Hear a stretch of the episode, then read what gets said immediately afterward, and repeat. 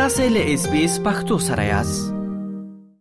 د جون په 14 مه د یونان د سمندري پولې تور سرمه د مسافرو د یو کښتۍ د ډبېدو له امله تر درې نیمو سو پورې پاکستانیانو خپل ژوند د لاسه ورکړی دی په وژل شو تنانو کې زنانه ماشومان او سړي سپاره وو په کښتۍ کې د پاکستاني مسافرو ترڅنګ د نړۍ د نورو هیوادونو تر اوو نیمو سوو پورې مسافر سپاره وو چې په قاچاقي لارې یې اروپايي هېوادونو ته د ښه ژوند پر غرض باندې سفر کولو. دغه یاده پېښه په پاکستان کې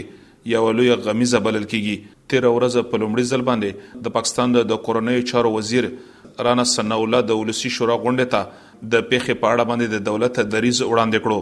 دوی په خپله وینا کې وویل چې په کښتۍ کې د بېلابېلو هېوادونو تر اوو نیمو سوو پورې مسافر سپاره وو. رانا ثناالله په خپله وینا کې وویل چې په کښتۍ کې په درې نیمو سوو پاکستاني وګړو کې یوازې دوولس تنان ژغورل شوي دي او هغه ژوندي پاتې شوي دي. د دوی پر وینا باندې چې په پاکستان کې د وژل شوو تنانو د دوه سوه یو اتیا کورنیو سره تماس نیول شوی دی، کومو چې د کورنۍ غړي د لاسه ورکړي دي. دوی ویل چې د انساني قاچاق په دغه یاده پېښه کې تر اوویشتو پورې قاچاقبر نیول شوي دي او دغه شانتې د اویاوو تنانو پر ضد باندې عریضې کړې شوي دي. دیکهې جو بدقسمتی سې اس حادثې کا جو هې وو شکار هوئې هې. له بده مرغه د یونان د کښتې په پېښه کې چې کومو خلکو خپل ژوند د لاسه ورکړی دی هغوی له هېواد نه د وېزې د لارې د بېلابېلو هېوادونو تر لیبیا پورې رسېدلي وو مانا دا چې دوی د قانون سره سم له پاکستان نه سفر کړی دی. په دې کې ځینې خلک دغه شان وو چې د دوی سره د مصر او د چا سره د دوبۍ ویزې وې او دغه شانتې د ځینو سره د لیبیا ویزې هم وې خو د لیبیا نه وړاندې بیا دوی د یونان په لور باندې چې کوم سفر پیل کوي یا کړی دی هغه ناقانونه وو مونږ به د دغو یادو هیوادونو سره دغه ستونزه راپورته کوو چې څنګه هغه خلکو ته ویزې ورکول کیږي چې دوی په دغو یادو هیوادونو کې روزګار نه لري او یا خپله کورنۍ نه لري مونږ د دغو یادو هیوادونو سره دلته کې په پاکستان کې چې د دوی کوم سفیران دي په دغه خبره به سره ناشته کوو دا ورانا ثنا الله جو امبیسډرز جهان په ان کې سات هم یې معاملې ټیک اپ کر رہے ہیں دا د پاکستان د کورنۍ چارو وزیر رانا ثنا الله رانه سنوله زیاته کړه چې د انساني قاچاق د مخنیوي لپاره چې کوم قانون په هیواد کې شتون لري په هغه کې قاچاقبرو لا ډېر اسانتیاوي دي او دوی په اسانه باندې د قانون د منګولو نه آزاد شي. ملک کې اندر جو لوګ هې ان کې خلاف هم جو لیګل فریم ورک هې.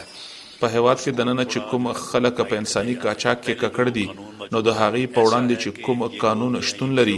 هغه ډیر اسان او نرم دی ځکه چې د نیول کیدو وروسته دوی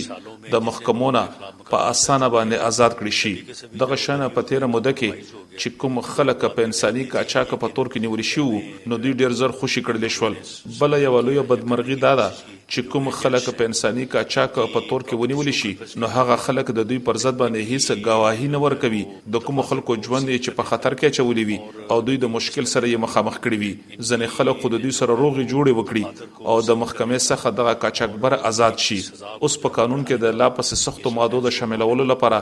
دغه ټولې چارې قانوني وزارت ته سپارل شوي دي. ډویژن کو ټاسک دیا ګیا هې که وو اس بارې مې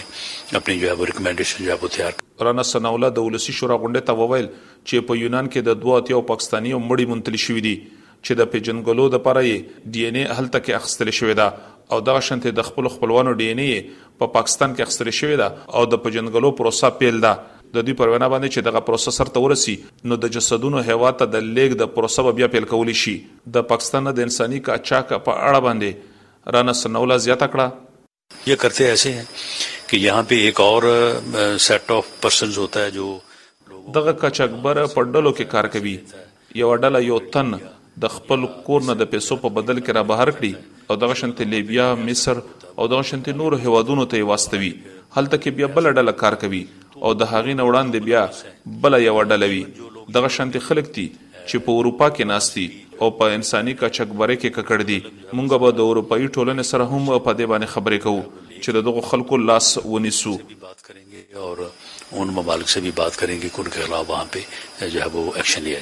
دا و د پاکستان د کورنیو چارو وزیر رانا ثناء الله د منطقې هېوادونه پاکستان، افغانستان، هند، بنګله دېش او نېپال هغه هېوادونه دي چې ډېری ځوانان یې په ناقانونه توګه باندې د پرلمختللي هېوادونو مخه کوي خو بل لوري ته دغه سفر د ژوند د لاسه د ورکولو د خطر سره مخامخ دی خو د هغې سره سم بیا هم دغه خلک په ډېر شمېر کې د دغه ناقانونو لارو انتخاب کوي پاکستان په هغه ځای کې موقعیت لري چې د انساني قاچاق لپاره د راهدارۍ په توګه باندې د دوی خاوره کارول کېږي. غیر مستنده شمېرې ښيي چې هر کال یې د پاکستان نه د پنځوسو نه تر شپېتو زرو پورې وګړي په ناقانونه توګه باندې د بهرني هېوادونو مخه کوي او په دې کې د وخت سره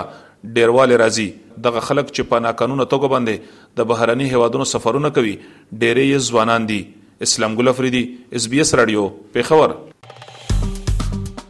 اس پی اس پختو په فیسبوک کې تا کې پلی مطلب یو فاک کړئ نظر ور کړئ او له نورو سره شریک کړئ